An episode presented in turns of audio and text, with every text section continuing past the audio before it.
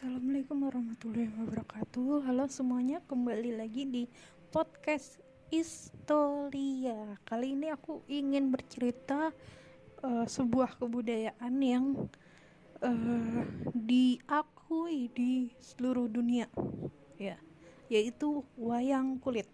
Nah uh, mungkin bagi kalian sudah ada yang mengetahui tentang wayang kulit Uh, tapi di sini aku mau uh, menjelaskan, bukan aku sih yang menjelaskan, tapi aku mewawancarai lagi temanku ya. Memang beliau ini ahli dengan yang namanya uh, sejarah Jawa, kebudayaan Jawa, dia sangat ahli. Nah, kali ini aku mewawancarai tentang wayang kulit. Sebenarnya wayang kulit itu seperti apa sih apa makna di balik wayang kulit tersebut karena yang aku tahu banyak sekali makna filosofi di balik uh, sebuah wayang kulit atau sebuah pertunjukan wayang kulit. Tanpa berlama-lama kita langsung saja mendengarkan ceritanya. Oke, yang pertama makna wayang dan filosofinya. Wayang sendiri ku berasal dari kata wa dan yang yang memiliki arti berjalan menuju yang maha tinggi atau yang maha esa. Bisa juga diartikan sebagai roh atau para dewa atau bahkan Tuhan sekalipun. Namun juga ada pengertian yang lebih sering digunakan oleh masyarakat Indonesia yaitu wayang berasal dari kata bayang yaitu bayangan. Seperti itu makna dari kata wayang. Sedangkan wayang sendiri lebih luasnya lagi bisa digambarkan sebagai seperti pedoman hidup mbak. Contohnya ketika wayang uh, maaf ketika seseorang melihat wayang pasti dia akan melihat kebanyakan untuk zaman dahulu lihatnya dari belakang. Kenapa kok harus dari belakang? Ya karena wayang adalah penggambaran untuk mempelajari masa lalu. Ya di mana masa lalu itu terlihat atau terkesan pahit, tapi kita harus bisa belajar dari masa lalu itu untuk perkembangan atau bisa dikatakan sebagai uh,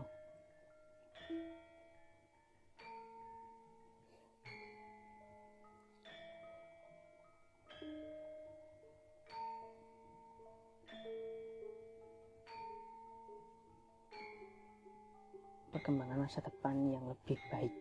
Karena itu kita masih tetap membutuhkan masa lalu.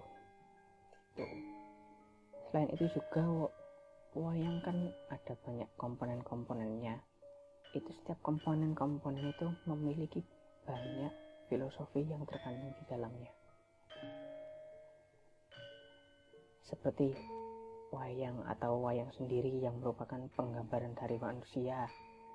Kotak wayang yang merupakan penggambaran di mana manusia itu harus mengetahui dari mana dia berasal dan dari mana dia akan kembali atau dalam Jawa lebih dikenal dengan sangkan paraning dumadi. Setelah itu kelir yang juga sebagai dunia yang ditempati oleh para wayang. Bencong yang juga diibaratkan sebagai matahari. Lalu gunungan. Gunungan ini nanti seperti kayak apa ya?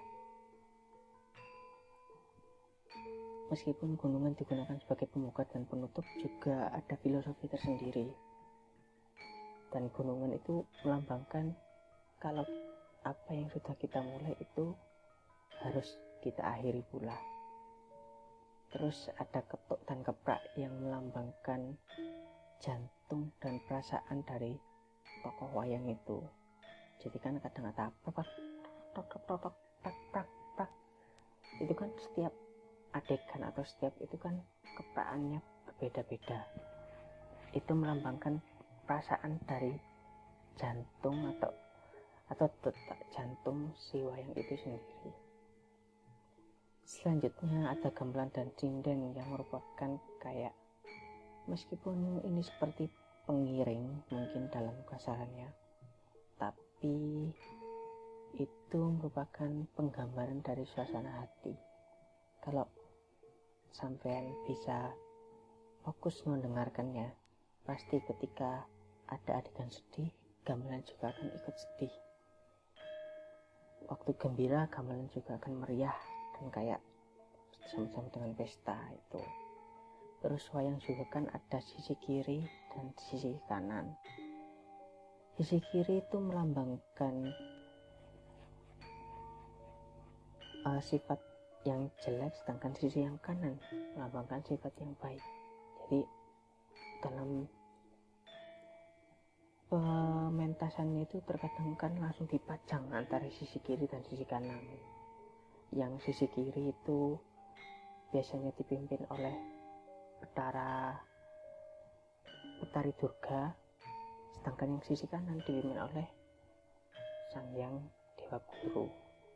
Itu melambangkan sisi jelek dan sisi baik. Kadang juga mungkin kasarannya bisa dilihat sisi kiri itu Kurawa sisi kanan Pandawa. Seperti itu mbak. Terus yang terakhir itu ada gedebok ya mungkin gedebok itu sebagai penancapan wayangnya itu sendiri jadi itu melambangkan bumi yang dipijak atau tanah yang dipijak tuh. Selain itu juga para pujangga zaman para pujangga Jawa zaman dahulu itu sangat ya bisa dikatakan sangat pintar lah. Atau sangat kreatif juga bisa. Karena pujangga zaman dahulu itu mengadopsi cerita bab dari Ramayana dan Mahabharata dikompresikan diaduk diaduk dan juga di rombak total yang kejadiannya berasal dari India dirubah menjadi Nusantara ini. Karena itu jangan kaget kalau ada cerita-cerita wayang yang mungkin tempat-tempatnya itu kok kayak di Indonesia yaitu karena kecerdikan dari bujang kita zaman dahulu itu nah, seperti itu selain itu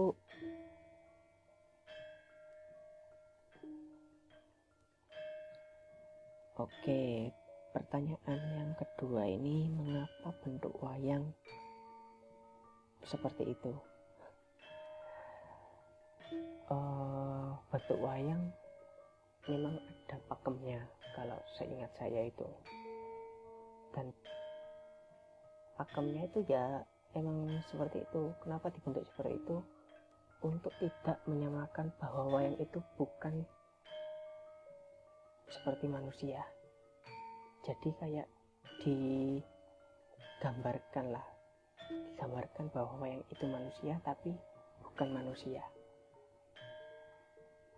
jadi wayang itu penggambarnya seperti orang yang sudah mati. Dan wayang itu memang benda mati. Lah ini hebatnya para wali songo kita yang juga mendesain wayang itu sedemikian rupa. Ada peran-peran penting yang uh, ada peran-peran penting yang dimasukkan atau yang ada untuk perkembangan wayang ini.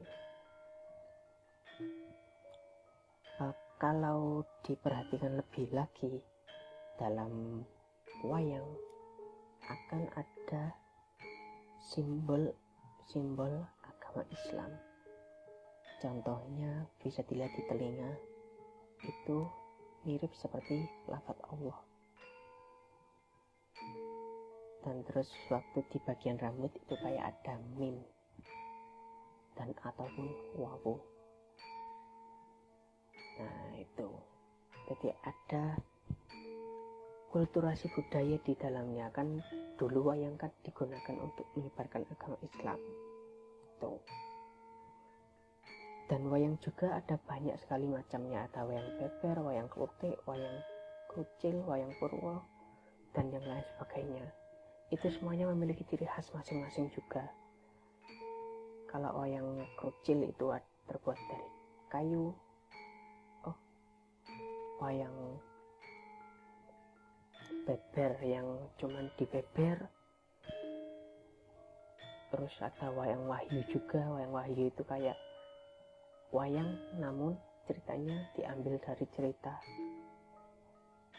keagamaan Kristen itu jadi cerita dari Nabi Yesus tuh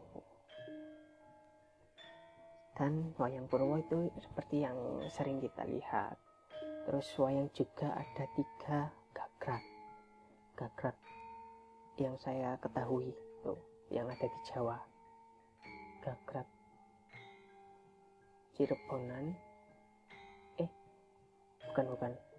Gagrak Jawa Timuran gagrak uh, gagrak Jawa Timuran gagrak Solo dan Gagrak Ngayogyakarta. Nah, yang lebih sering digunakan biasanya Gagrak Ngayogyakarta. Tuh. Jadi setiap wayang itu memiliki ciri khas masing-masing di setiap daerahnya. Mungkin di Cirebon atau di Jawa Barat juga ada. Ya memang ada. Bisa kayak wayang golek itu juga termasuk dari salah satu gagrak wayang. Bukan gagak sih lebih ke model wayang seperti itu. Terus juga ada wayang orang. Wayang orang ini kayak permainan drama ketoprak. Kalau mbaknya pernah melihat sendera tari Ramayana nah itu juga salah satu dari wayang orang gitu.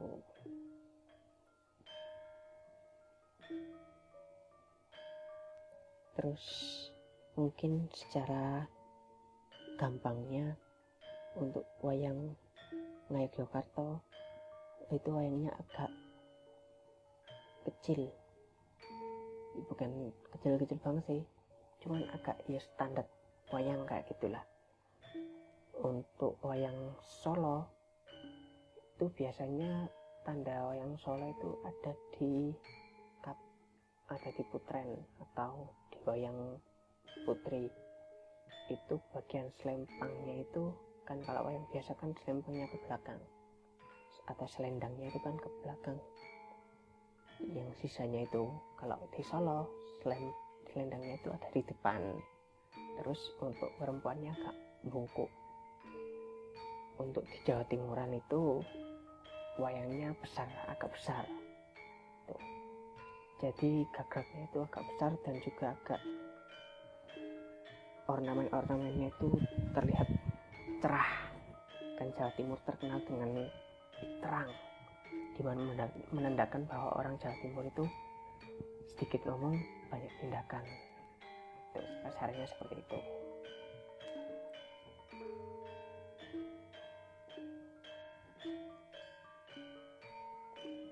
uh, oke okay, yang terakhir.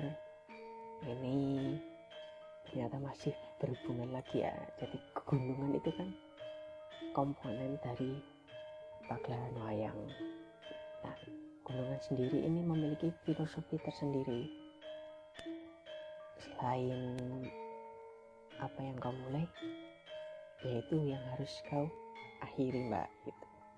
Jadi kayak gunungan itu seperti bagian dari komponen terpenting yang ada dalam pagelaran wayang. Nah, gunungan ini sendiri atau lebih sering juga disebut dengan kayan memiliki dua macam. Yang pertama ada kayon gapuran atau gunungan gapuran dan yang kedua ada gapuro eh gapuro ada gunungan Blumbangan tuh yang kapuran ini agak ramping. Sedangkan yang Blumbangan ini agak gemuk. Terus ornamen-ornamennya juga kan banyak. Yang gapuran ini pokoknya di bawah itu dijaga dua raksasa Cingkro Bolo dan juga Bolo Putro uh, dengan membawa tameng dan pedangnya sedangkan untuk gunungan Blumbangan ini di bagian bawahnya itu ada lukisan kolam air yang ada ikannya yang saling berhadapan tuh nah gunungan sendiri bentuk seperti halnya dengan namanya itu juga kadang di Pantas Wayang juga dimanfaatkan sebagai pegunungan atau bahkan gunung. Kayak gitu. Tapi gunung kan bentuknya kan mengerucut ke atas. Itu filosofinya sebagai manusia itu kita itu harus mengerucut semakin ke atas. Entah itu jiwa rasa cipta karsa maupun karya harus mengerucut ke atas. Jangan sampai berkelok-kelok. Tuh meskipun jodoh kita itu sering berkelok-kelok namun ya itu jiwa rasa cipta karsa dan karya kita itu harus mengerucut ke atas. Dan juga kelak nanti kita semua juga pasti akan mengerucut ke atas tuh nah selain itu juga di ornamen-ornamennya itu kan ada banyak sekali. Ini mungkin uh, saya jabarkan satu persatu ya mbak ya. Semoga tidak kelamaan ini. Oke yang pertama ada hutan. Hutan yang ada di dalam dunia pewayangan ini juga melambangkan uh, hutan kan pasti ada banyak tanaman, tumbuhan, sama aja sih. Tanaman dan hewan tuh. Dan itu bersifatnya adalah sama halnya dengan kehidupan manusia. Dan hutan adalah sebagai gambaran seseorang yang mencari kesejatian diri. Kebanyakan digambarkan mengembara di hutan. Tuh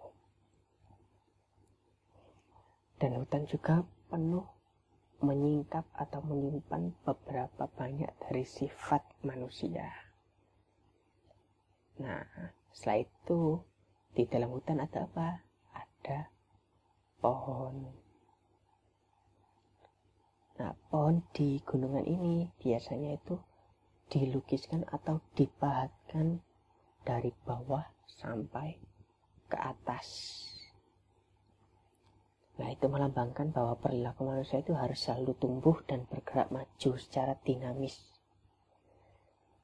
Sehingga bisa membawa manfaat serta bisa mewarnai kehidupan alam semesta ini. Selain itu juga pohon melambangkan bahwa Tuhan sendiri telah memberi pengayoman dan perlindungan bagi manusia yang hidup di dunia ini gitu. Selanjutnya ada burung. Mungkin ini kalau nggak benar-benar nggak dilihat bahkan kalau ya kita lihat dari dekat kita pegang kita nggak akan tahu di mana letak burungnya. Karena saking kecil gitu. Nah burung kan memiliki kicauan yang indah itu melambangkan bahwa manusia itu harus membuat dunia dan alam. Dunia atau bahkan alam semesta ini menjadi indah di dalam naungan beberapa naungan kehidupan. Entah itu spiritual ataupun yang lainnya. Secara harmonis dan juga indah seperti halnya kicauan burung. Tuh setelah burung ada banteng itu yang ada tanduknya itu.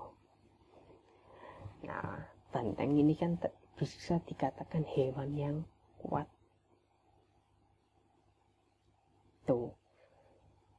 Jadi banteng sendiri itu melambangkan bahwa manusia itu harus kuat, lincah, ulet, teguh, tangguh, tatak, tatak dalam menghadapi bahwa dia sudah bersama orang lain, tanggap, dan juga tanggon dalam menjalani kehidupan ini.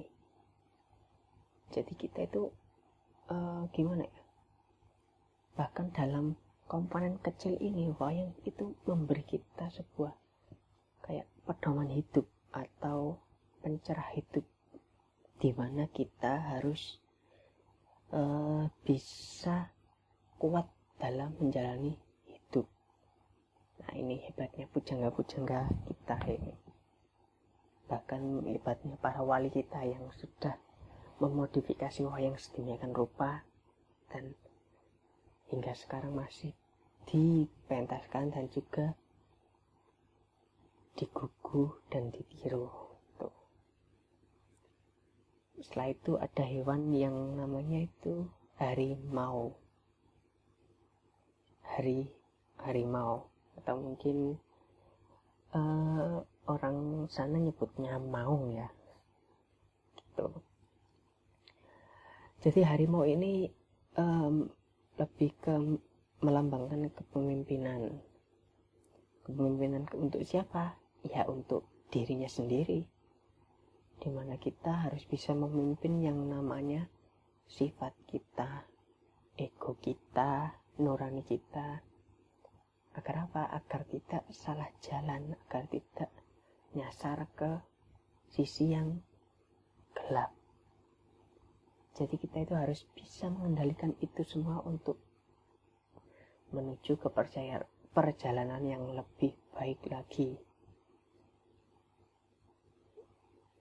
Gitu jadi lebih simpelnya bahwa harimau itu melambangkan bahwa kita harus menjadi pemimpin bagi dirinya sendiri. Kalau tidak bisa dikendalikan maka harimau itu akan menjadi memangsa uh, memangsa kita dan malah harimau itu berubah menjadi banaspati. Tuh di wayang digambarkan seperti itu selanjutnya ada monyet. Monyet hewan yang imut kecil dan lucu. Itu jadi monyet ini kan digambarkan meskipun uh, banyak sekali kayak digambarkan bahwa monyet ini kayak rakus atau apalah itulah. Tapi di monyet ini ada sisi positifnya atau sisi baiknya di mana monyet atau kera ini pintar dan bisa memilih buah. Mana yang manis ataupun yang belum matang. Jadi ini secara kasar digambarkan bahwa kita sebagai manusia itu harus bisa memilah dan memilih mana yang baik mana yang kurang baik. Itu jadi memilih antara baik ataupun buruk. Nah makanya kita sebagai manusia itu harus bertindak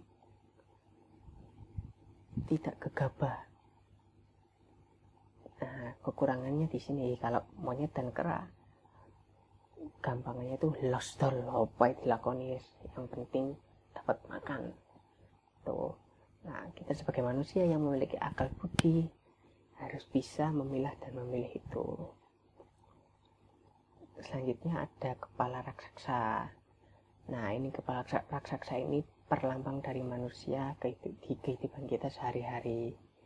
Di mana manusia itu memiliki sifat rakus, jahat, keras kepala, besar kepala, sombong, bahkan bisa dikatakan seperti orang yang kesetanan. Bahkan setannya sendiri pun sampai minder lah ini itu semuanya bermaksud supaya manusia itu bisa mawas diri dan memerangi diri sendiri untuk mengendalikan hawa nafsunya itu. Jadi kita harus mengendalikan macan kita. Ya kecuali kalau macannya sudah lemu itu susah lagi. Jadi macannya harus diajak diet. Oke lanjut lanjut.